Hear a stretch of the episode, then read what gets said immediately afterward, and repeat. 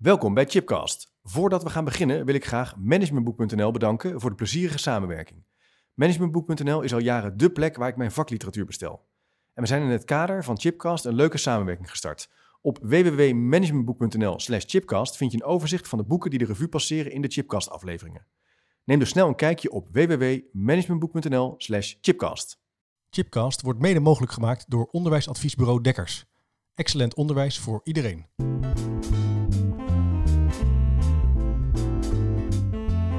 Leuk eh, je in de uitzending te hebben.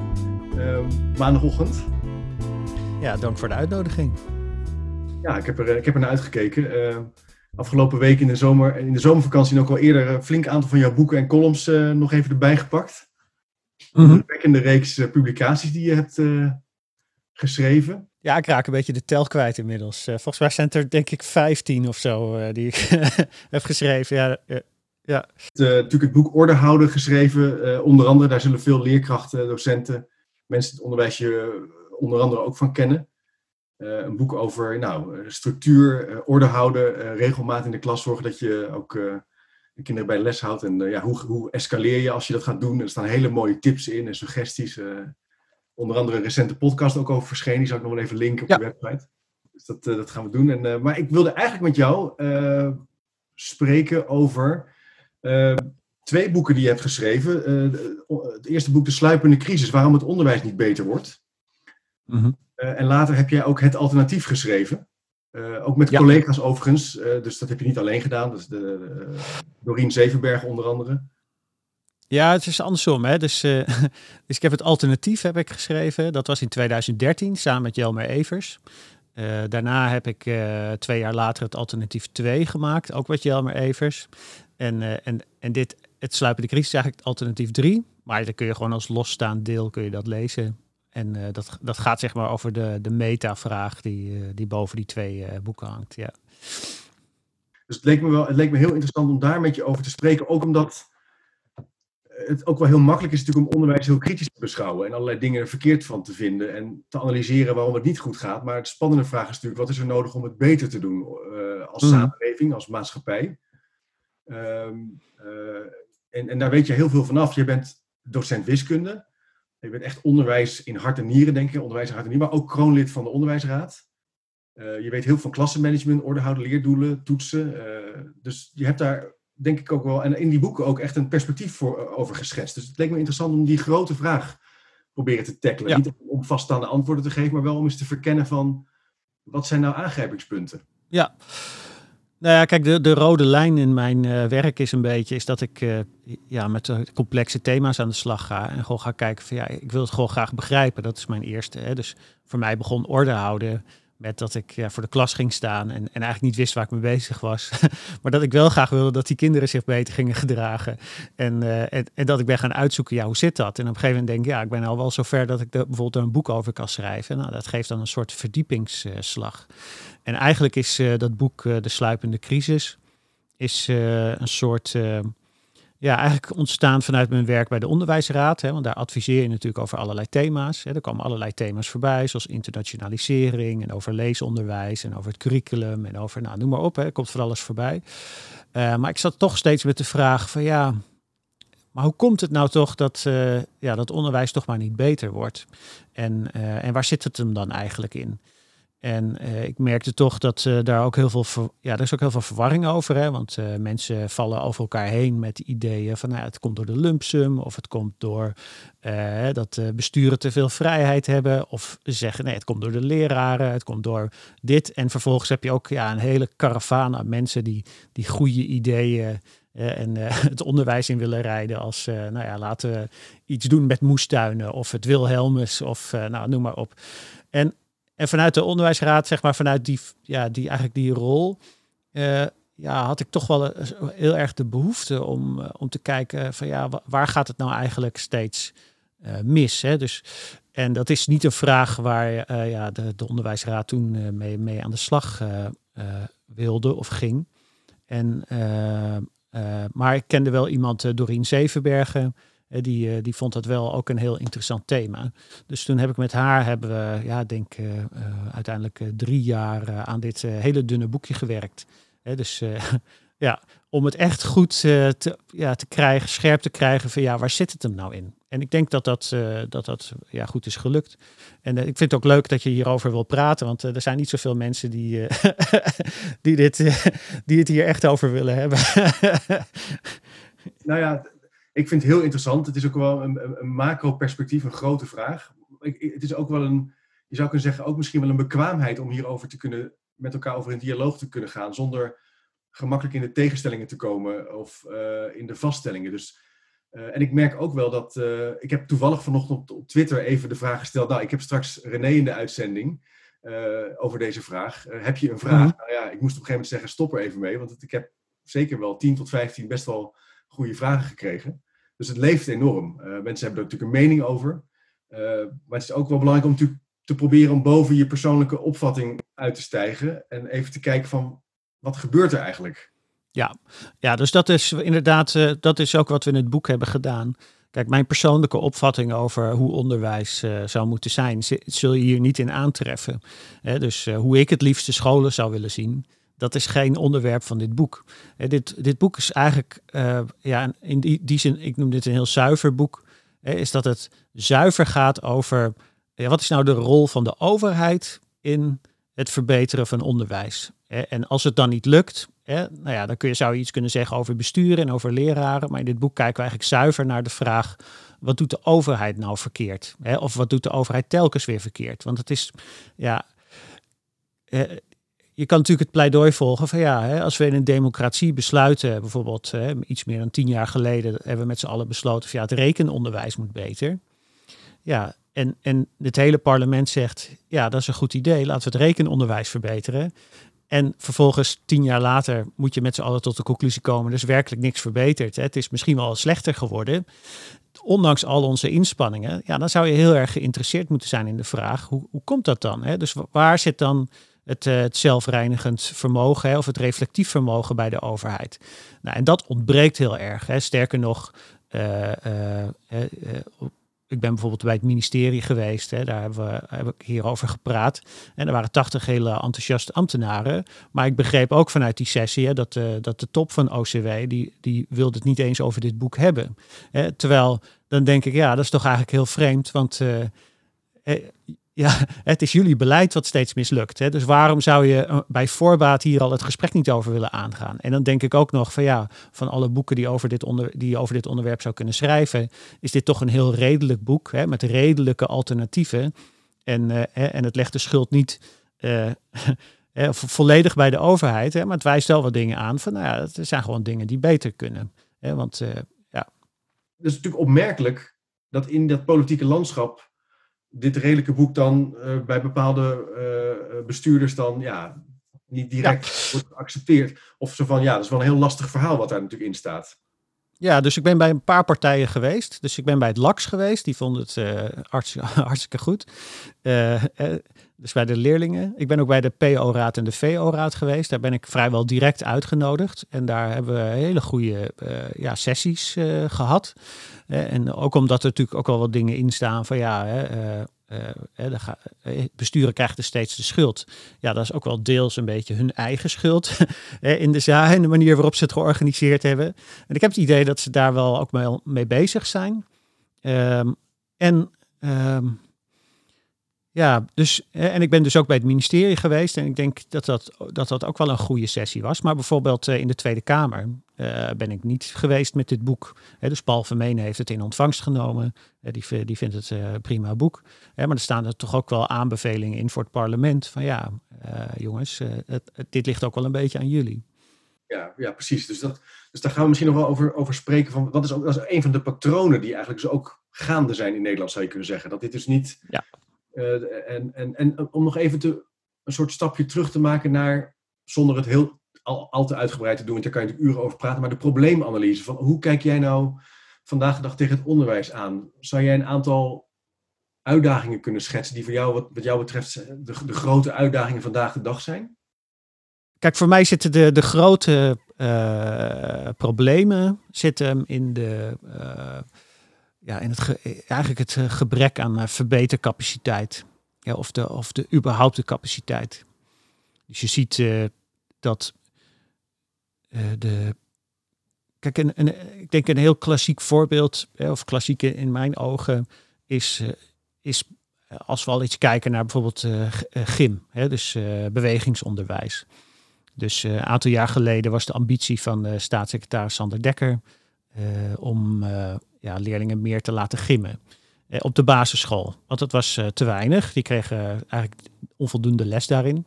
En, en er werd afgesproken van ja, we willen graag dat het uh, drie uren zijn. Maar dat, ja, eigenlijk werd de PO-raad is die afspraak gemaakt. Maar het werd uiteindelijk uh, twee uur. Maar er werd er gezegd over twee jaar willen we uh, willen we dat er twee uur gym, gym, wordt gegeven in de week op de basisschool. En er werd wat een paar miljoen voor uitgetrokken. Nou, dan is er een persbericht, hè, dat komt in de krant. Hè, en, dan, nou, en dan vervolgens gaat iedereen aan de slag. En wat blijkt dan twee jaar later, als ze dat dan geëvalueerd evalueren, is dat dat niet gelukt is. Dus die drie uur is sowieso niet gehaald en die twee uur eigenlijk ook niet. En wat blijkt dan het grote probleem? Nou, eigenlijk op diverse vlakken. Hè, dat er niet genoeg gymlokalen zijn. Uh, dat er, hè, daar begint het eigenlijk al mee. Hè. Zou je die ambitie willen halen, heb je gewoon meer ruimte nodig. Nou, die is er dan vaak niet. Ja, of die is op een te grote afstand. Maar dan hebben de gemeentes hebben daar geen geld voor. En dan zijn er vervolgens ook niet genoeg vakleerkrachten. dus als je wil dat er ook nog kwalitatief goed uh, gymles wordt gegeven, nou ja, dan heb je ook niet genoeg mensen daarvoor. En kijk, en dat schetst eigenlijk uh, voor wat mij betreft het probleem. Hè. Dus we, lopen, we hebben achterstand als het gaat over schoolgebouwen. Hè, die zijn eigenlijk niet meer van de tijd. Uh, we hebben te weinig docenten. en vervolgens is er ook nergens uh, ja, een soort verbetercapaciteit. Hè, waarbij je kan zeggen van nou, als we niet genoeg leerkrachten hebben, dan, dan gaan we het ook verbeteren. Want als je dan daadwerkelijk dat zou willen doen, dan kost dat zoveel geld. Hè, dat met die paar miljoen die daar dan vanuit is getrokken, dat je daar niet van redt. Hè. En dat laat dan, denk ik, tegelijkertijd zien wat het probleem is met beleid.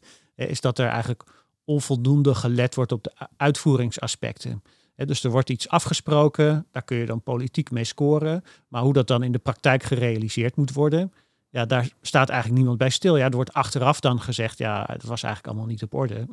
Maar je zou ja. zeggen, een van jouw uh, aanbevelingen onder andere is, probeer nou echt een, een, duurzame, uh, tragere uh, verander, verbeter snelheid te omarmen en een lange termijn focus te hebben. Je zou kunnen zeggen, als je al zo'n plan zou maken, op zich prima als je zegt van meer gym, hartstikke belangrijk. Maar dat, dat gaat natuurlijk niet in tien jaar. Dat, dat, je kan niet in, in, in, in, vijf jaar alle schoolgebouwen uh, gymlokaal erbij zetten bij of hè, om welk percentage het gaat. Dat, dat kost gewoon echt tijd. En uh, ja, als je dus... de uitvoering hebt, dan blijf je eigenlijk in een soort single, in een soort rondje rennen van, van initiatief naar initiatief, zonder dat er eigenlijk echt iets verandert. Ja, ja dus dat is inderdaad ook een. Uh, ja, een van de conclusies van, uh, van een onderzoek van Edith Hoge en Sietske Waslander en, uh, en, en volgens mij Henno Thijssen. Die, uh, die hebben gekeken naar het hele sturingsnetwerk wat er om het onderwijs heen hangt. En er zijn heel veel organisaties die allemaal bezig zijn om eigenlijk korte termijn beleid uit te werken. En er komen steeds meer partijen bij. Hè, die zijn nog steeds ook weer allemaal bezig. Hè, en, en scholen worden ja, enorm overvraagd met allerlei korte termijn ambities. En terwijl we gewoon weten dat uh, als je echt iets wil veranderen in het onderwijs, dan kost het tijd. Hè. Het duurt 14 jaar voordat er daadwerkelijk uh, iets, je iets veranderd hebt, hè, voordat je de echte effecten ziet van, van beleid.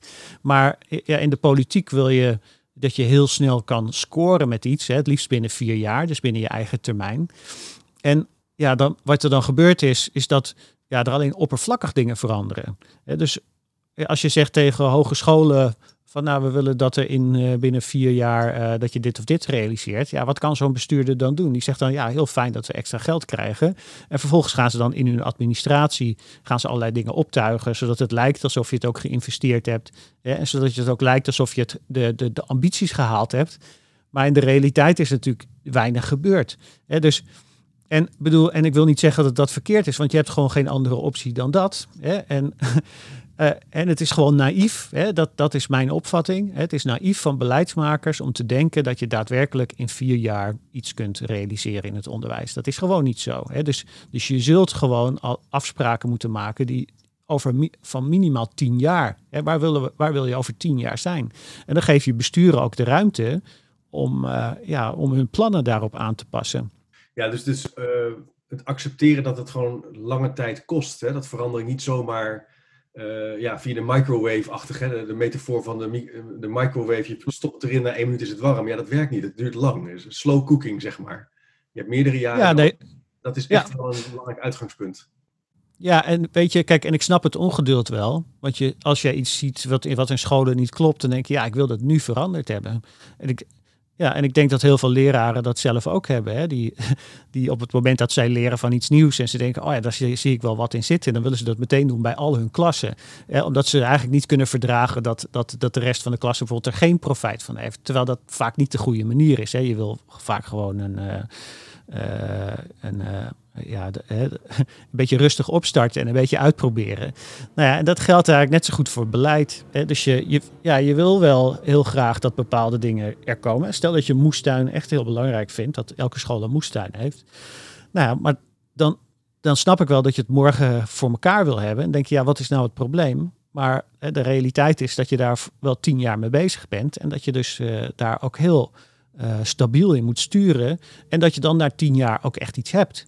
Ja, en dat is, dat is denk ik het probleem met, met nu, is dat er ja, heel veel gewoon ideetjes worden afgevuurd op het onderwijs. En dat uh, ja, in heel veel scholen gewoon gedacht wordt van ja, daar heb je het volgende weer. Nou, dat gaat vanzelf wel weer voorbij. Ja, en dat draagt dan ook niet bij aan, uh, aan het verbeterpotentieel.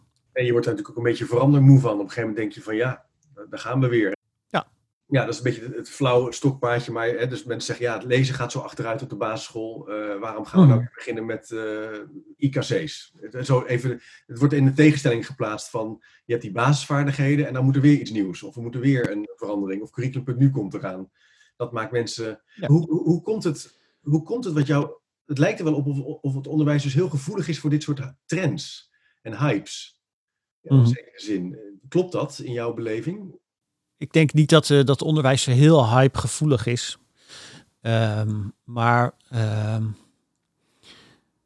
uh, ja, hoe zou ik het zeggen?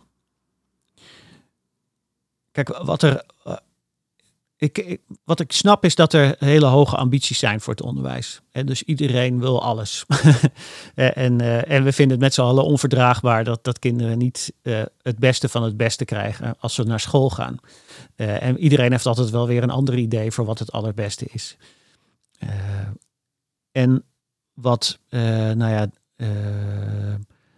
ja, wat je wel ziet is dat er dat, dat besturen vooral natuurlijk goed kijken naar ja, waar, waar trek ik leerlingen bijvoorbeeld mee. En, uh, en daar kan soms wel wat hyperigs in zitten hè, als het gaat over uh, ja, bepaalde schooltypes of schoolopzetten. Um, hè, dus je, je zou kunnen zeggen dat als het op sturing aankomt, dat met name ja, de, de, de, de, de, wensen van de ouders best wel veel invloed hebben op, op hoe scholen worden vormgegeven. Ja, ja, ja precies. Dus een vorm van marktwerking, in de zin niet, niet gevoelig zijn voor ouders, uh, dat speelt wel. En ook wel voor ja, leerlingenaantallen trekken en, en dus bepaalde keuzes maken voor een schoolsysteem of bepaalde activiteiten in het licht zetten. Daarvan zeg je, ja. dat is wel opvallend, dat gebeurt wel. Maar ja. Nou ja, weet je, kijk, ik, ik vind dat, ik zeg altijd, uh, een, een goede school, dat is eigenlijk niet sexy. Dus als je kijkt naar dat boek van Eva Nijkens, uh, en wat als we nou eens gingen lesgeven, ja, dat, ik, ik zei tegen haar van ja, eigenlijk is het gewoon een heel saai boek. Want uh, er is niks spectaculairs aan de, aan de hele aanpak. Het is gewoon goed, goede schoolleider zijn. Nou ja, en hoe pak je dat aan? en hoe zorg je ervoor dat leraren weer centraal komen te staan, zodat ze hun werk goed kunnen doen en, en echt kwaliteit gaan verbeteren? Ja, daar is niks saais aan. Of dat, nee, dat is juist saai, hè? dus er is niks bijzonders aan. Ja, je zou kunnen zeggen, het is ja, precies. omdat, niemand het, omdat weinig scholen het doen. Maar inderdaad, het is niet heel spannend of uit, er zijn geen challenges die daar worden, worden hè, dus nee, nee, nee. Nee, en, en kijk, uh, wat je, politiek kun je daar ook niet mee scoren. Hè, in de zin dat uh, als je zou zeggen van nou laten we het gewoon eens heel goed doen met z'n allen. Hè, en laten we gewoon eens zorgen dat uh, ons, uh, het overheidsapparaat gewoon nu eens zo wordt ingericht dat het daadwerkelijk leidt tot kwaliteitsverbetering. Ja, weet je, dat, dat, dat is super saai. Hè? Dus, en dat is wel wat je zou verwachten, maar dat is niet waar je politiek iets mee scoort. Ja. dat is wel een heftige conclusie eigenlijk. Daar scoor je dus niet mee met verbetering. Nou ja, maar stel je voor dat je wel een minister zou zijn die dat zou doen. Hè? Dus dan, en je gaat naar de Kamer toe, dan zit je nog steeds tegenover heel veel mensen die gewoon willen dat morgen alsnog dingen worden aangepast. dus ik denk dat het heel goed zou zijn als we ja, als, maatschappij gewoon beseffen van ja, als we echt willen dat er dingen veranderen in het onderwijs, dan moeten we met z'n allen gewoon een, een andere manier van werken ontwikkelen. En op zich ben ik wel, kijk, voor mij is dat aangrijpingspunt niet de politiek, want daar kun eigenlijk niet van verwachten dat ze uh, ja, in, in waarin ze opereren, dat dat besef uh, ja, echt uh, wortels krijgt. Maar wat je wel kan verwachten is dat besturen tegen de overheid gaan zeggen van ja luister, uh, wij willen best wel akkoorden met jullie sluiten over wat we gaan veranderen. Maar dan nemen we niet meer een termijn van vier jaar. Wij spreken alleen nog maar dingen af over tien jaar. Hè? En, ja, en dan heb je daar maar niks aan als minister, hè? of als nieuwe minister straks. Maar ja, dat is de enige manier waarop het kan slagen. Hè? En als zij dat zouden doen en gewoon zouden zeggen, luister, wij tekenen niks, maar Totdat uh, we op die manier afspraken gaan maken. En we gaan afspraken maken over hoe we het evalueren. En over hoe we het gaan bijsturen. En wat de politieke ruimte is om daar nog in uh, te, ja, nog, nog dingen aan te passen. Dan, dan denk ik dat daar de winst zit. Hè? Want besturen hebben op dit moment ook heel veel te verliezen. Want iedere keer als iets niet goed gaat, dan krijgen besturen de schuld. Dus in het voorbeeld van die gymlessen, nou, dan is het heel duidelijk dat er gewoon heel veel ja, gewoon niet is. Het is heel onuitdenkend beleid, hoewel het iedereen de ambitie zal onderschrijven natuurlijk, maar het is niet op een goede manier neergezet. En dan, uh, ja, en vervolgens krijgen, kun je als bestuurder dan de schuld krijgen van ja, jullie hebben te weinig gedaan om dit te realiseren, terwijl ze eigenlijk niet genoeg geld hadden en niet genoeg tijd. Uh, dus en, dan, en, dan krijgen, en zij krijgen altijd de schuld. Er zit in een soort squeeze. Als je naar boven kijkt, worden ze, wordt er naar ze gedrukt en van onder wordt er ook naar ze gedrukt, even in de vorm van een soort hiërarchie. En, en je kan het dus bijna nooit goed doen. Ja, nee, dat is de vraag in hoeverre er van boven gedrukt wordt. dus die, kijk, die akkoorden die gesloten worden en die afspraken die gemaakt worden, die worden gemaakt met een sectorraad. Maar dat is eigenlijk geen echte vertegenwoordiging dus een, uh, wat, wat er gebeurt is dat die afspraken zijn in feite boterzacht. En wij denken wel van oh, als er met de VO-raad of de PO-raad iets wordt afgesproken, nou dan geldt dat voor alle scholen. Maar dat is niet zo, want die afspraken zijn vaak helemaal niet bindend. dus er wordt gewoon afgesproken, ja, er gaat extra geld naar, naar die besturen toe. Bijvoorbeeld eh, geld voor nieuwe leraren, dat die beter ondersteund worden. Nou, dan krijg je een bepaald bedrag, dat komt dan in de lump sum terecht. En vervolgens zijn eh, die besturen vrij om het geld uit te geven zoals zij zouden willen. En dan blijkt dan achteraf ja, dat dat niet allemaal aan nieuwe docenten is uitgegeven. Of, of een heel minimaal gedeelte is uitgegeven aan nieuwe docenten.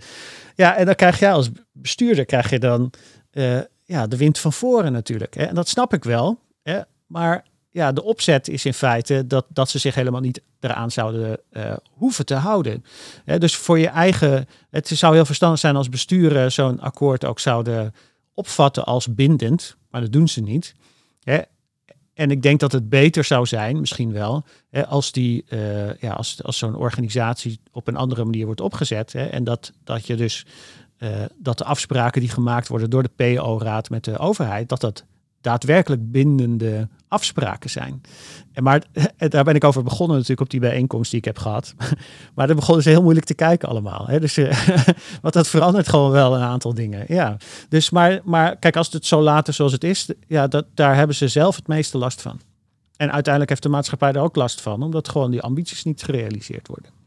Nee, dus dat is, is, heel interessant hoe je dat zo uitlegt. Ik, ik, ik zou nog even, die, die, eh, nog even een stapje terug naar, die, naar het punt van het boek van Eva Nijken, waarvan je zei, hè, dat als onderwijsfilosofie is dat vrij saai. Uh, wil ik even een bruggetje maken met een van de, een van de vragen die ik kreeg uh, via Twitter van Vincent Grit, of Grit, mm -hmm. uh, docent Engels. En die, zei, die stelt de vraag, wordt er op meer plekken gewerkt langs de uitgangspunten van evidence-informed werken?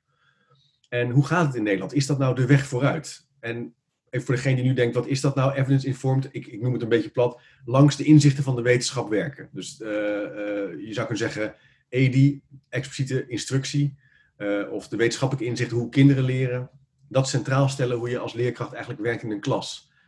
Um, wat ook onder andere gebeurt bij de Ellen Turing School, denk ik. Als ik, het, in mijn, ik heb haar ook ooit een keer in de podcast gehad vorig jaar. Hoe zie jij dat? Is, is dat wat jou betreft groeiende? Uh, of is dat ook heel lastig uh, uh, verder te krijgen, groter te krijgen? Ja, nou dat is eigenlijk meer de thematiek van een ander boek. Hè? Dus van, van het alternatief hebben we het daar uh, hierover gehad. Naar mijn idee is het zo dat, dat wil je als beroepsgroep serieus genomen worden, dan moet je goed kunnen onderbouwen wat je aan het doen bent. En dan zul je dus moeten baseren ook mede op onderzoek. dus je, je zult gewoon moeten weten, ja, wat, is onderzoek? En uh, uh, wat, ik ben iets aan het doen. En wat, zegt onderzoek hierover? En dat betekent echt niet dat je je handelen puur moet baseren op, op wat er uit onderzoek komt. Omdat je dingen toch altijd moet vertalen naar je eigen context. en, ja, en, en, alles werkt wel ergens, maar niks werkt overal. dus, nou ja, dus en, en ik denk dat het goed zou zijn voor als het gaat over je als beroepsgroep serieus genomen voelen en ook, dat je ook echt serieus wordt genomen, is dat je met z'n allen werkt aan een soort kennisbasis en een handelingsbasis die ook, ook eh, gebaseerd is op onderzoek. naast dat je het ook moet baseren op ethiek en op de praktijkkennis natuurlijk. Ja, mooi. Dus je maakt het breder. Je zegt van het is niet. Dus je, je laten leiden door onderzoek, kunnen onderbouwen wat je doet maar ook ethisch, ethisch begeleiden, maar ook kijken naar wat er nodig is in zo'n klas. Dat, is wel, dat maakt je wel sterker als leerkracht, maar ook als beroepsgroep. Ja. Ja, maar stel je voor dat bijvoorbeeld iets uh, evidence-informed is. Hè, dat, je, dat je zegt, ja, dit werkt heel erg goed, maar ethisch is het niet, uh, niet te verkopen. Hè, dus ja, dat kan natuurlijk niet. Hè, dus, uh, dus ook dat is een aspect wat je mee moet nemen als het gaat over je, professionaliteit. En ik denk, ik meen te zien dat, dat in Nederland dat er steeds meer vraag is naar wetenschappelijke inzichten. Dus we willen, ik denk dat, dat alle leraren er wel genoeg van hebben om te luisteren naar mensen die, ja, die zomaar wat zeggen. Of op, op basis van hun intuïtie iets zeggen, of op basis van hun eigen kinderen of, of hun eigen schoolloopbaan. En, en dat ze vooral willen weten van ja, wat zijn nou de, de inzichten die we halen uit onderzoek. En uh, kijk, en, en veel van wat er in onderzoek te vinden is, ja, is, is ergens, sluit dat heel erg aan bij je professionele intuïtie. dus je, vaak denk ja, dat deed ik eigenlijk al, of, of dat, dat wist ik eigenlijk al. Maar het gaat er vooral om van ja, hoe kun je nou uh, als beroepsgroep duidelijk maken dat je, dat je kwaliteit aan het leveren bent. En, en dat wat je aan het doen bent, dat dat ergens op slaat. En het maakt je ook weerbaarder als professie want uh, op het moment dat er dan vanuit de overheid iets zou komen waarbij iedereen weet van ja, maar hè, dat, dat slaat helemaal nergens op. Hè, want we weten uit onderzoek dat, dat dat echt niet gaat werken. Ja, dan sta je met z'n allen veel steviger. En dan kan je zeggen, ja, kom maar met goede argumenten waarom het dan wat jullie betreft wel zou uh, gaan werken. En uh, en op het moment dat je als beroepsgroep niet zo'n uh, basis hebt en je bent met z'n allen niet zo op de hoogte, ja, dan maak je jezelf veel meer een speelbal. Hè, en dan krijg je misschien een overheid of een bestuurder die zegt, uh, nou laten we eens gaan werken met, uh, met iets wat, ja, waarvan, nou ja, waar eigenlijk niet zo goed over is nagedacht en ook niet zo goed nagedacht is over de onderbouwing. Hè, dan, nou ja, dan kun je met z'n allen toch ja, wat, wat steviger een vuist maken. Daar ben ik van overtuigd. Precies word je minder vatbaar. Je zou kunnen zeggen, door die kennisbasis te vergroten, word je ook minder vatbaar voor, ja, je zou kunnen zeggen, hypes. En kan je ook beter beredeneerd uh, argumenteren en uh, onderbouwen waarom iets wel kan en iets niet kan. Dan word je ook veel meer een gesprekspartner als leerkracht en als bestuurder natuurlijk. En anders, ja, anders dan kan je, zeg je alleen maar, ja, ik vind er niks van. Of dat heeft ook niet zoveel zin. Ja. Ja, dus dat, dat, uh, dat even als punt over dat evidence-informed, of je zou kunnen zeggen de wetenschap gebruiken. Ik, ik, ik, herken wel wat je zegt. Ik zie, ik zie denk ik ook wel een uh, steeds grotere beweging. Uh, ook de toegang van wetenschappelijke tijdschriften voor leerkrachten, het openstellen daarvan. de HBO-masters die er zijn. het succes van bepaalde boeken als het gaat over de, de boekenmarkt, zeg maar. Um, ik had nog een andere vraag die, over ja, hoe kunnen we nou als land ons onderwijs uh, beter uh, krijgen, beter organiseren? Uh, jij hebt het ook in je boek onder andere over, over regionale voorzieningen voor verbetering en innovatie. dat vond ik wel een interessant punt. ik heb eind voor, of begin dit jaar, voor de coronatijd, was ik gespreksbegeleider voor het idee voor de toekomst van onderwijs. Dus met allerlei, allerlei onderwijspartners en organisaties hadden we het over onderwijsvernieuwing. Wat me daarin opviel, is dat er vaak landelijke gesprekken werden gevoerd over bepaalde vernieuwingen. Maar dat ze dan eigenlijk helemaal niet uh, wisten dat er regionaal eigenlijk al hele succesvolle scholen waren. Of samenwerkingsverbanden. Bijvoorbeeld over het lerarentekort. Dat besturen samenwerkten om ervoor te zorgen dat er één pool was van invallers. In plaats van tien pools voor, inval, voor, voor, voor invallers. En jij noemt dat ook als een van de kansrijke koersen. Zorg voor regionale voorzieningen voor verbetering en innovatie. Kan je daar iets meer over zeggen, hoe jij daar naar kijkt? Ja, wat, denk ik de, de essentie is van uh, verbeteren in het onderwijs, is, uh, is dat je met elkaar uh, goede ideeën ook uitwisselt. En dat het, het goede idee wat ergens in het ene klaslokaal ontwikkeld wordt, en een oplossing voor een bepaald probleem, dat dat zich makkelijk verspreidt door de school, maar ook door Nederland. En um, ja, en dat, en ik denk het jammer nu is, is dat, uh, ja, dat, dat die ideeën soms helemaal niet het klaslokaal verlaten. Uh, maar dat die soms ook de school, uh, soms wel de school inkomen, maar dan de school niet verlaten. en wat je eigenlijk wil, is dat er, kijk, dat is het voordeel van, van regio's natuurlijk. Hè, dan ben je wat dichter bij elkaar. Dus dat je met de school die, die 300 meter verderop staat, hè, of, of een kilometer verderop staat, dat, je daar dat je daar ook samen mee leert hè, en, en, en dingen opsteekt. En uh, ja, en dat moet je op een of andere manier organiseren. Ja, ja. En dat, en dat, dat ja, eigenlijk zouden besturen dat binnen hun regio uh, ja, moeten doen. Hè? Dus, uh, en in sommige regio's zal dat makkelijker zijn dan in andere. Hè? Maar dat je een soort ontmoetingsplaatsen en, en iets overkoepelends, hè? zodat het hele onderwijs daar een ja, voordeel van heeft. En, uh, ja, en, en dat je elkaar niet alleen beschouwt als concurrent, maar op dat vlak uh, juist probeert uh, te ondersteunen. Dus echt partnerschappen organiseren. Ik vind het een heel interessant thema. Het, ook, het is alweer een tijdje geleden. Mijn proefschrift ging over innovatie en vernieuwing in commerciële organisaties toen in de tijd. Uh, omdat ik ook wel in, onderzoek heb gedaan bij onder andere ziekenhuizen en ook supermarkten. En een van de case studies die ik heb gedaan was bij een grote supermarktketen over vernieuwing die binnen supermarkten plaatsvond. Dus bijvoorbeeld een supermarkt in Den Haag. Wat gebeurt daar nou? En wordt die kennis ook gedeeld met een supermarkt in Amersfoort? En bleek eigenlijk precies hetzelfde. Het is heel moeilijk voor organisaties, in ieder geval toen, dat is nu tien jaar geleden, om die, ken die, die kennisoverdracht te organiseren. Dat vraagt echt een structuur en een organisatievermogen.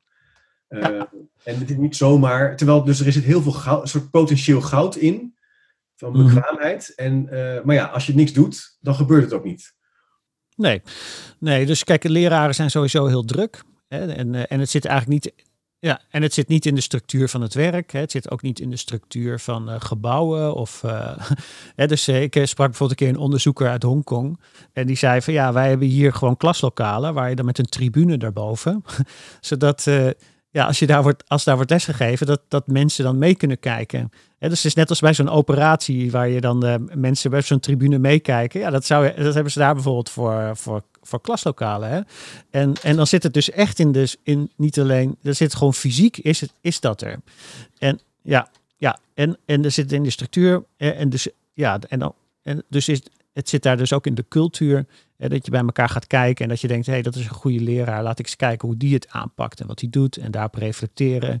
en dat zie je natuurlijk in Japan ook met uh, lesson study. Hè, dat, dat zit daar gewoon heel diep in de cultuur, zit dat uh, ingesleten. Dat dat iets goeds is om te doen. Dat je bij elkaar gaat kijken, dat je, dat je met elkaar kritiek hebt en feedback. Ja, dat, is natuurlijk ook, dat zie je vaak ook bij scholen die, die ik bezoek voor, voor onderzoek.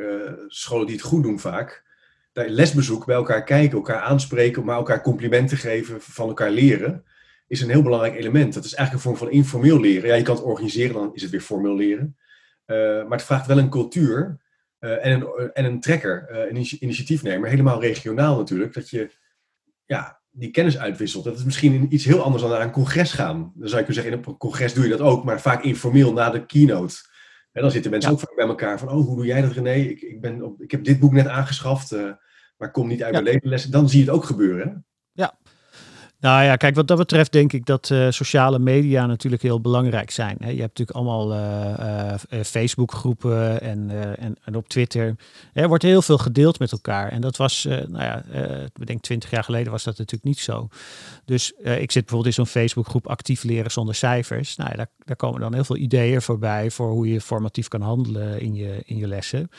En dat is, dat is superleuk. Hè? Dus daar hebben mensen ook heel veel aan. En ehm, ja, dus dat soort dingen helpen wel. Maar wat je, ja, wat je graag wil, is je wil toch, uh, ja, toch met, met elkaar ook uitzoeken van ja, hoe, hoe, hoe doen jullie dit nou? En uh, ja, ja. Eigenlijk is het een pleidooi voor een infrastructuur, een regionale of landelijke infrastructuur, uh, om dit soort vraagstukken aan te pakken. En uh, ja, het is mij opgevallen, ik heb nu een aantal podcasts gemaakt over re regionale successen. Van uh, wat ik al noemde, even de lerarentekort tot bijvoorbeeld het aannamebeleid van jonge talenten na de middelbare mm -hmm. school. Tot meeloopdagen voor middelbare scholieren. Regionale samenwerkingsverbanden waren dat dan. Er gebeurt ontzettend veel, wat precies gaat over soms landelijke initiatieven. Maar het zijn vaak kleine, kleine experimenten. Het zijn twee besturen, drie besturen, twintig aanmeldingen. Het zijn niet meteen de grote aantallen, maar als je dat niet koestert en, en niet van leert, dan wordt het ook niet groter. En dan, Juist, ja. ja. Ja. Hey, en um, om, om nog even een brugje te maken naar een, naar een vervolgvraag van een van de twitteraars. iemand jou wel bekend, denk ik, Jan van der Ven. Ja, uh, ken ik. ik. Ja, dus die ken je wel. Dus, uh, heel actief ook op, op social media ook wel. hij, ik had op Twitter gezet, wat is nou eigenlijk goed onderwijs? Daar gaan we het over hebben. En hij zei, ja, maar wie bepaalt nou eigenlijk wat goed onderwijs is? Wie is daar nou verantwoordelijk voor? En dat vond ik toch wel weer een beetje een fundamentele vraag. Van ja, het zet misschien niet, het zaagt niet aan de stoelpoten van dit gesprek hoor, maar hm. er zijn natuurlijk zoveel meningen over. Uh, mm -hmm ja, moeten we dat nou landelijk vastleggen? Gewoon in een landelijk. Uh, maar ja, dan krijg ik ook een beetje een soort Noord-Korea-dictatoriaal regime. van iedereen moet hetzelfde doen. Hoe kijk jij daar nou aan, tegenaan, tegen zo'n vraag? Wie dat nou bepaalt? En wie daar verantwoordelijk voor is? Ja, ja nou ja, kijk. Nou, dat, dat, dat is natuurlijk een lastige kwestie. Hè? Dat, dat is natuurlijk ook het, het thema van, uh, van de sluipende crisis. Hè? Los van wat je nou inhoudelijk uh, daarvan vindt. Ehm, kijk, in Nederland hebben we de afspraak dat de overheid gaat over deugdelijkheid. dus het gaat over de minimumkwaliteit. dus de inspectie houdt zicht op dat die minimumkwaliteit dat die gehaald wordt. en, en, anders heb je met de inspectie een probleem. Uh, de bekostiging is in feite moet voldoende zijn voor die minimale kwaliteit. Uh, en, en dan maak je met ze, en waar je dan in de, ja, wat je eigenlijk door de afgelopen eeuw ziet gebeuren, is dat de discussie over wat die minimumkwaliteit is. Nou ja, dat schuift dan een beetje op. Hè? En, en hoe formuleer je dat? Dan krijg je op een gegeven moment kerndoelen. En die zijn dan te specifiek en die worden dan weer wat vager. Nou, hè? Dus dat, dat is een soort ja, voortdurende dialoog die eigenlijk tussen de overheid en, en het onderwijsveld plaatsvindt. Hè? Van ja, wat, wat, wat, hoe ver reikt nou die verantwoordelijkheid eigenlijk? En, en dat is waar de overheid over gaat. En de rest, dat is aan schoolbesturen. Zo hebben we dat gewoon met elkaar afgesproken. Dus alles wat meer is dan minimumkwaliteit, ja, dat is aan schoolbesturen en aan scholen zelf om dat uh, vorm te geven. En uh, ja, en daar wordt het dan lastiger, want als maatschappij nemen we geen genoegen met die basiskwaliteit. En nemen we geen genoegen met deugdelijkheidseisen. En we willen het allerbeste voor alle kinderen. en, en dan zie je dat, uh, ja, dat we dan gaan wijzen naar de overheid en zeggen van ja, maar, wat doen jullie hier eigenlijk allemaal aan? Terwijl als ze daar zich wel mee zouden bemoeien, en dan zouden ze veel te grote broek aantrekken. En dan zouden ze zich dus met, moeten gaan bemoeien met de specifieke invulling van leesonderwijs, hoe dat gegeven wordt, met welke methodes en al dat soort dingen. En dus, dus ja, wat mij betreft, hè, zoals we het georganiseerd hebben, kun je niet uh, de overheid daar op aanspreken. Hè. Daar zou je bestuur op moeten aanspreken. Maar het lastige is dan, is dat als je bijvoorbeeld in het primair onderwijs gaat kijken en je kijkt naar de bekostiging, ja, dat die bekostiging wel toereikend is voor, hè, of enigszins toereikend voor die minimumkwaliteit. Maar alles wat daar bovenop komt, daar is eigenlijk geen geld voor. Dus dat moet allemaal in de vrije tijd van leraren, moet dat in feite gebeuren. Dat, dat is waar het op neerkomt. Er is geen er is weinig geld voor onderhoud. Er is soms geen, geen, geld voor een conciërge. Er is geen geld voor eh, een, een goed wifi-netwerk of voor laptops. En, nou, bij het ene bestuur is dat natuurlijk weer anders uh, geregeld dan, of georganiseerd. Maar je merkt gewoon ja, het piept en kraakt aan alle kanten. Maar die ouders komen wel allemaal binnen met enorme eisen. Maar uh, ja, ook leraren zelf hebben veel hogere eisen dan, dan waarvoor ze uh, in feite betaald worden en voor de hoeveelheid uren die ze krijgen. Dus, en, en daar wordt het dan lastig. En dat is natuurlijk waar het boek over gaat. Is dat je meer van dit soort dilemma's kunt noemen. Van ja, als overheid wil je dingen. En als maatschappij wil je dingen. Maar eh, ja, de manier waarop we het georganiseerd hebben, werkt dat niet in de hand. En, eh, en eigenlijk raken we steeds verder van huis wat dat betreft. Ja, ja precies. Dus het is ook, ja, ja, ja. Dus we willen misschien ook wat te veel. Nou, daar twijfel ik aan. Ja, ik weet niet of we te veel willen. Nee, ik denk dat alle, alle wensen die we hebben zijn volstrekt gerechtvaardigd. dus zelfs al zeg je goh, over die moestuinen. Ja, weet je, waarom niet? Dat, ja, prima. Dat mensen wensen hebben, dat is één ding. Uh, maar ergens moet iemand uh, een keuze gaan maken. En, je, en, en wat er nu gebeurt is dat, ja, is dat bijvoorbeeld de overheid geen keuze hoeft te maken. Want die zeggen gewoon, ja, scholen krijgen een grote zak geld. Daar moeten ze alles mee doen. En, ja, en dan kunnen een soort oneindige opdrachten neerleggen bij het onderwijs. Want, want die bekostiging is niet gekoppeld aan de opdrachten. Dus je kan altijd zeggen, oh, doe dit er nog maar bij. En oh, je krijgt er nog 50 miljoen. Ja, en dan kunnen jullie dit ook nog doen. Terwijl de vraag of dat dan genoeg is, ja, dat, die, die vraag is, wordt daarbij niet gesteld. Een soort opstapelverslaving, zo noemde ik het ooit. Ik heb ooit een keer een boek, of ooit vier jaar geleden een boek geschreven over managementverslaving. Dat gaat niet echt direct over het onderwijs, maar de, de neiging bij in een organisatie om steeds nieuwe dingen te doen zonder dat er wat van het lijstje afgaat.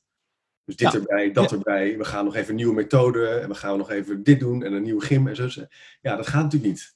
Nou ja, kijk, en, en wat je dan ziet is dat, uh, kijk, uh, dat, dat bijvoorbeeld, hè, wat er gebeurd is, hè, dat is een van de, de hoofdstukken in, in het boek, is dat uh, er worden sectorakkoorden gesloten. En er wordt er gezegd, ja, we willen heel graag dat er bijvoorbeeld burgerschapsonderwijs, dat dat verbetert.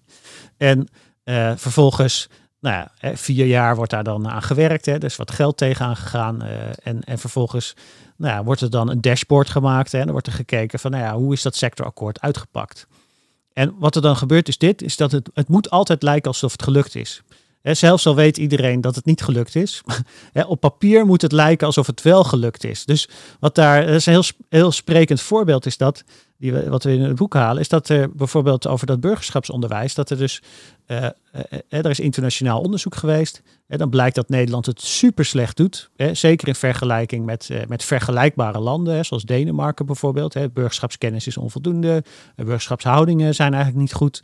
Nou, enzovoort. En wat gebeurt er vervolgens? dan wordt er de, een, de enige indicator in dat hele onderzoek waarbij er wel verbetering te zien is, die wordt dan in het dashboard geplakt. En dan wordt er gezegd, nou, hè, zie je, het is beter geworden, dus we zijn geslaagd in onze ambities. en ja, ja, precies, het mag niet mislukken. Terwijl wat je wil met z'n allen is van ja, als je met z'n allen dat burgerschapsonderwijs echt belangrijk vindt, hè, en laten we wel zijn, ik denk dat dat gewoon heel belangrijk is en dat we ons eigenlijk moeten schamen voor de staat daarvan in, in Nederland.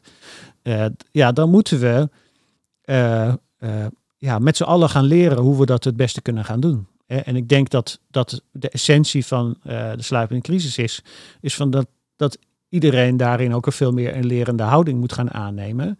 En, uh, en gewoon ja, dat we ook moeten kijken naar wat er mislukt en waarom dat mislukt, maar ook waar het wel goed gaat en, en hoe het komt dat het goed gaat.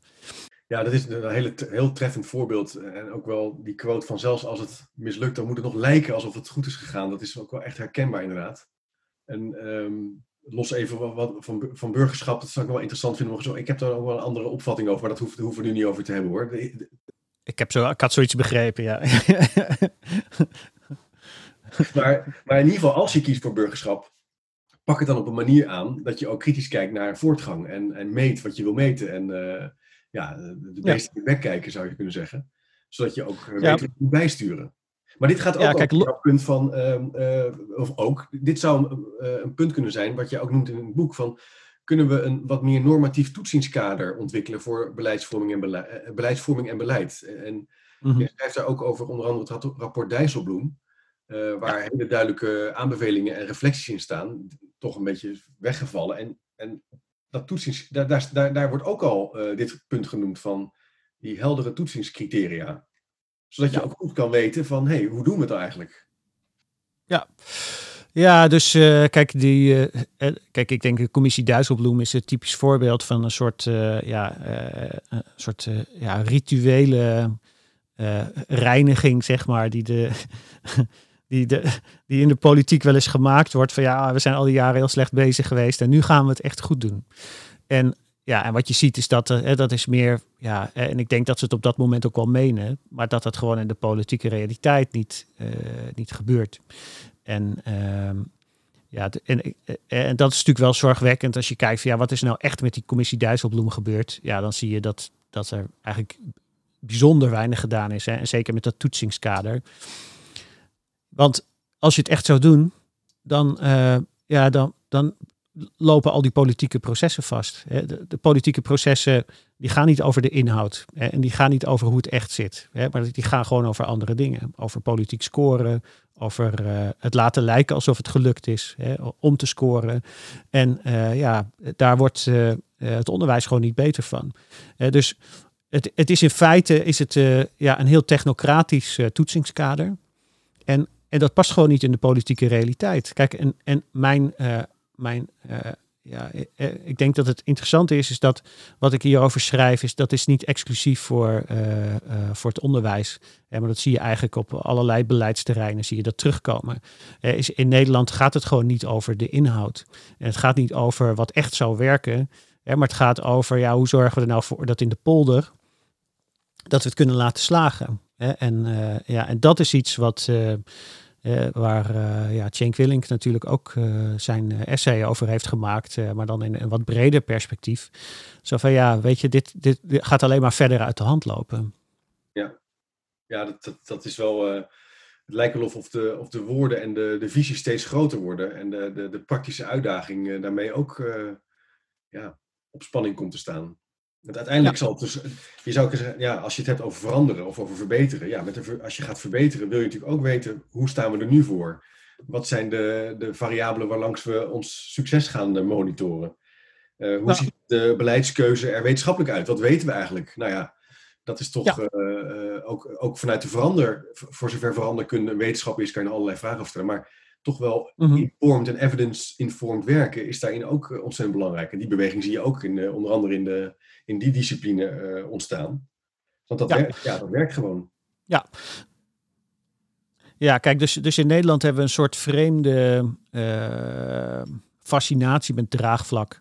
dus we, we vinden dat er voor alles, van alles draagvlak moet zijn. En voordat je begint, moet er draagvlak zijn. En terwijl, de, ik denk dat dat helemaal niet zo is. Hè. Je kan ook beginnen zonder draagvlak. Maar als je gewoon heel goed beleid maakt en je laat zien dat het echt werkt hè, en niet uh, dat het lijkt alsof het werkt, maar dat, dat je kan laten zien, dat het werkt echt. En je, in de praktijk merken mensen ook, ja, het werkt echt. Hè, dan, ja, dan, dan ontstaat er vanzelf draagvlak. Maar dan is het wel van belang dat dat beleid echt wel ergens op slaat. Het is niet zo sterk als uh, om draagvlak te creëren als succes. Juist, precies. Ja, ja. Het speelt ook natuurlijk het punt, denk ik, van leiderschap vandaag de dag. Het is, ook, het is ook wel heel erg in de mode om uh, als schoolleider eerst met je hele team te gaan praten. En iedereen iedereen moet het erover eens zijn. Terwijl dat ook niet altijd werkt. Dat is ook een vorm van het constant overdragen en geen keuze maken. dat zie je dus ook terug bij dit soort beleidsvragen. Juist. Ja, goh. En jij, jij, jij, eh, een grote vraag, uh, die je, of een grote stelling die, je nog wel, die ook wel interessant is om te verkennen, is dat je zegt van, eigenlijk zou je in de grondwet het recht op kwalitatief goed onderwijs moeten verankeren. Ja, precies. Ja, kijk, weet je, dat is een beetje natuurlijk, uh, je kan je afvragen van ja, wat, wat is daar de zin nou van? Hè? Want zo'n grondwet is natuurlijk, uh, ja, bepaalt sowieso niet zo heel veel meer. Hè? in de zin dat, dat er niks getoetst wordt aan de grondwet.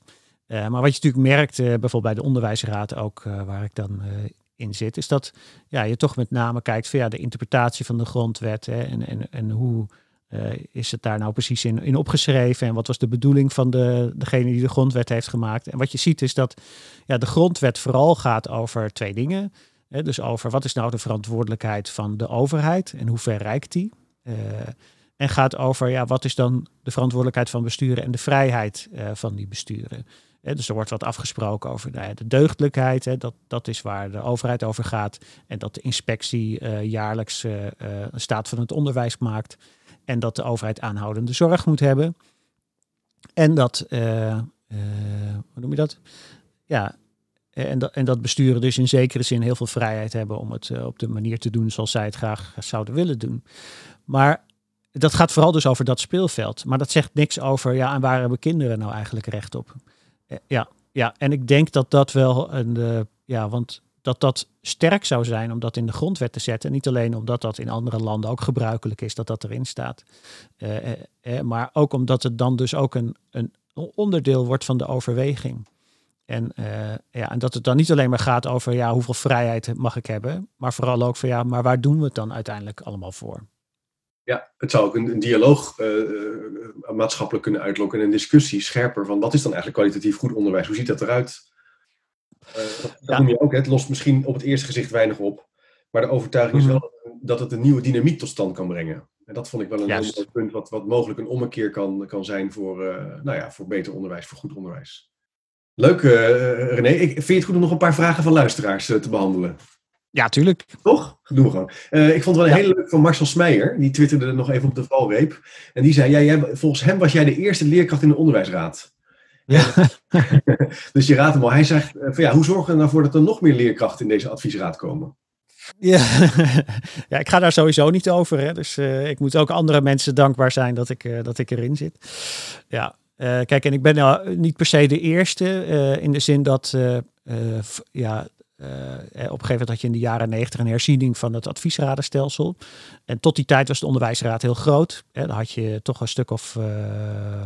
ja, maar ze waren er 84 leden volgens mij. En er zaten ook wel wat leraren tussen.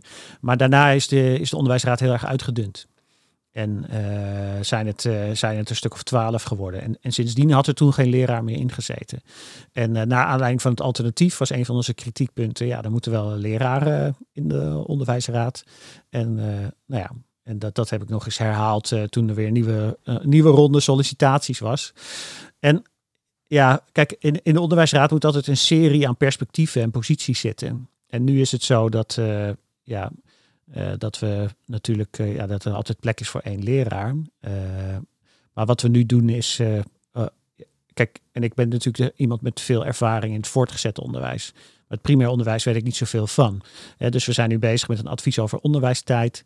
Eh, en dat gaat echt over het primair onderwijs. Nou ja, dan, dan zorgen we ook dat er een leraar eh, wordt toegevoegd aan de commissie. Dus we hebben nu Daisy Mertens als eh, docent uit het primair onderwijs die, die aangesloten is en meedenkt. Ja, en dat is gewoon heel waardevol.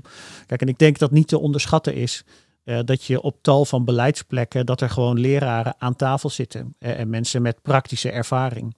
Dus, en ik denk dat, dat voor nu, eh, dat, dat, dat, en voor in de toekomst, dat het natuurlijk is eh, gewoon vast ligt.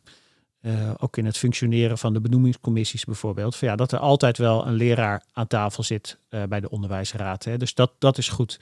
Maar ja, kijk, er moet ook een wetenschapper in en er moet ook een, een pedagoog in en nou, noem maar op. En vanuit allerlei verschillende hoeken, disciplines en, en achtergronden en geloofsovertuigingen.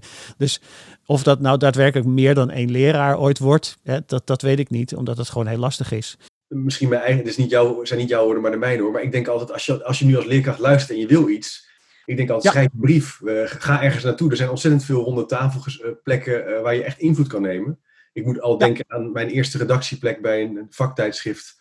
Eh, ik heb niet gewacht op een sollicitatie, maar ik heb gewoon opgebeld. Ik zei, ik wil wel in de redactieraad. Kunnen we daarover Mhm. praten? En eh, nou, na een jaar eh, mocht ik een keer een, eh, nummer maken, een, eh, special. En zo, zo gaat het ook. Hè? Dus het is ook soms belangrijk dat je ook initiatief neemt. Dus als je luistert, eh, Zeker, ja, absoluut. Ja. Kijk, en eh, kijk, eh, beleid is niet voor iedere leraar interessant. Hè? Dus als je denkt van ja, ik vind het niet interessant. Hè? ik denk als je op dit moment nog luistert, vind je het vast wel interessant. maar als je, niet, als je gestopt bent te luisteren, ja, dan, dan ben je ook al niet meer, ik denk, ja, dat, dat, dan moet je het ook niet willen. Hè? Want eh, eh, ja, mooi criterium. Van als je nu nog luistert, dan eh, moet je er misschien wat mee. ja, moet je zeker solliciteren. Ja, zeker. Ja. Ik heb nog een vraag eh, van, eh, van Mo- Mohammed Gilai, leerkracht in de Mhm. PO. En die, stelt, die stelde wel een interessante vraag, ook met een linkje erbij. Die zal ik ook even op de website plaatsen. Die stelt de vraag, is het nou nodig om leraren te werven uit de best presterende jongeren? Zou een concurrerend salaris voor leraren de lange termijn oplossing kunnen zijn voor de goede kwaliteit van ons onderwijs? En dat zegt hij omdat hij ook een artikel, een onderzoek aanhaalt, waar, een Amerikaans onderzoek waarin mogelijk een relatie is tussen beter salaris en betere kwaliteit. Hoe kijk je Mhm. daar? Denk jij van nou, dat, dat is iets? Of, of, eh, Ja. ja, weet je, kijk, ik, ik kijk naar lerarenbeleid altijd door een. eh, eh, kijk, dat vereist heel veel dingen.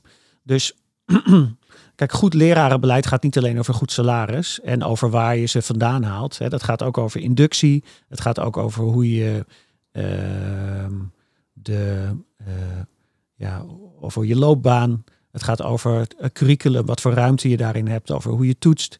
Nou, al dat soort dingen. Hè. Dus goed, een goed lerarenbeleid eh, heeft heel veel facetten. En je zult aan al die facetten moeten werken. En wat, wat, wat politiek vaak verkeerd gaat, is dat er maar op één knopje wordt gedrukt. Dus dat je zegt, ja, die salarissen die zijn heel erg belangrijk.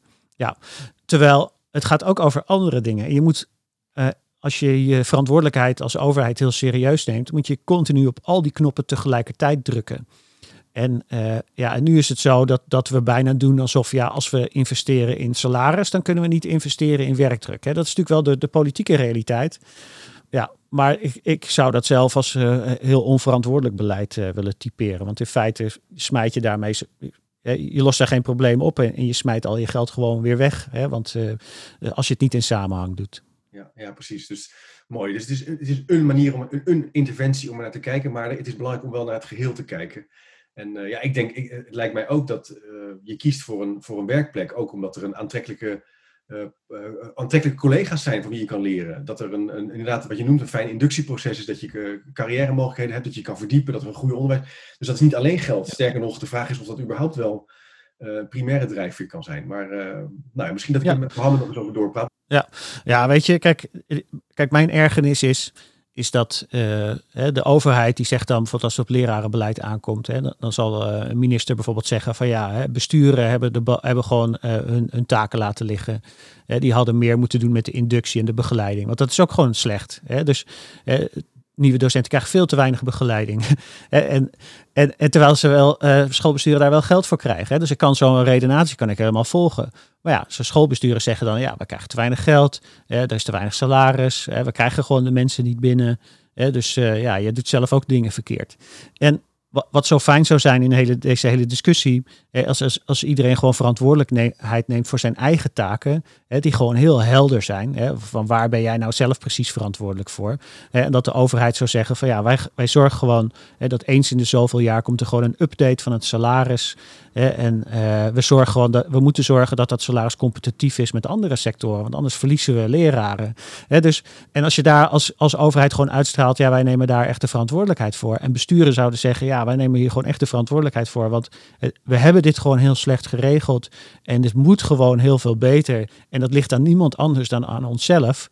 Ja, dan kom je pas verder uh, in deze hele discussie. En, en dat gebeurt gewoon niet. Dat, ik denk dat dat ja, gewoon heel ja, jammer is. Hè? En uh, ja, want ik denk dat, dat we wel wat meer mogen verwachten van, van de mensen die verantwoordelijk zijn.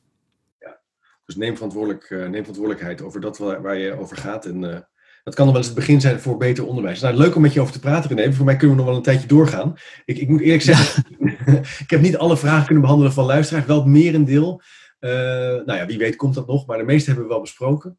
Uh, heel interessant om zo een soort beginnetje te maken over toch wel de principiële vraag: wat is nou eigenlijk goed onderwijs? Wat betekent dat nou eigenlijk? Hoe kan je dat op macroniveau, op samenlevingsniveau organiseren?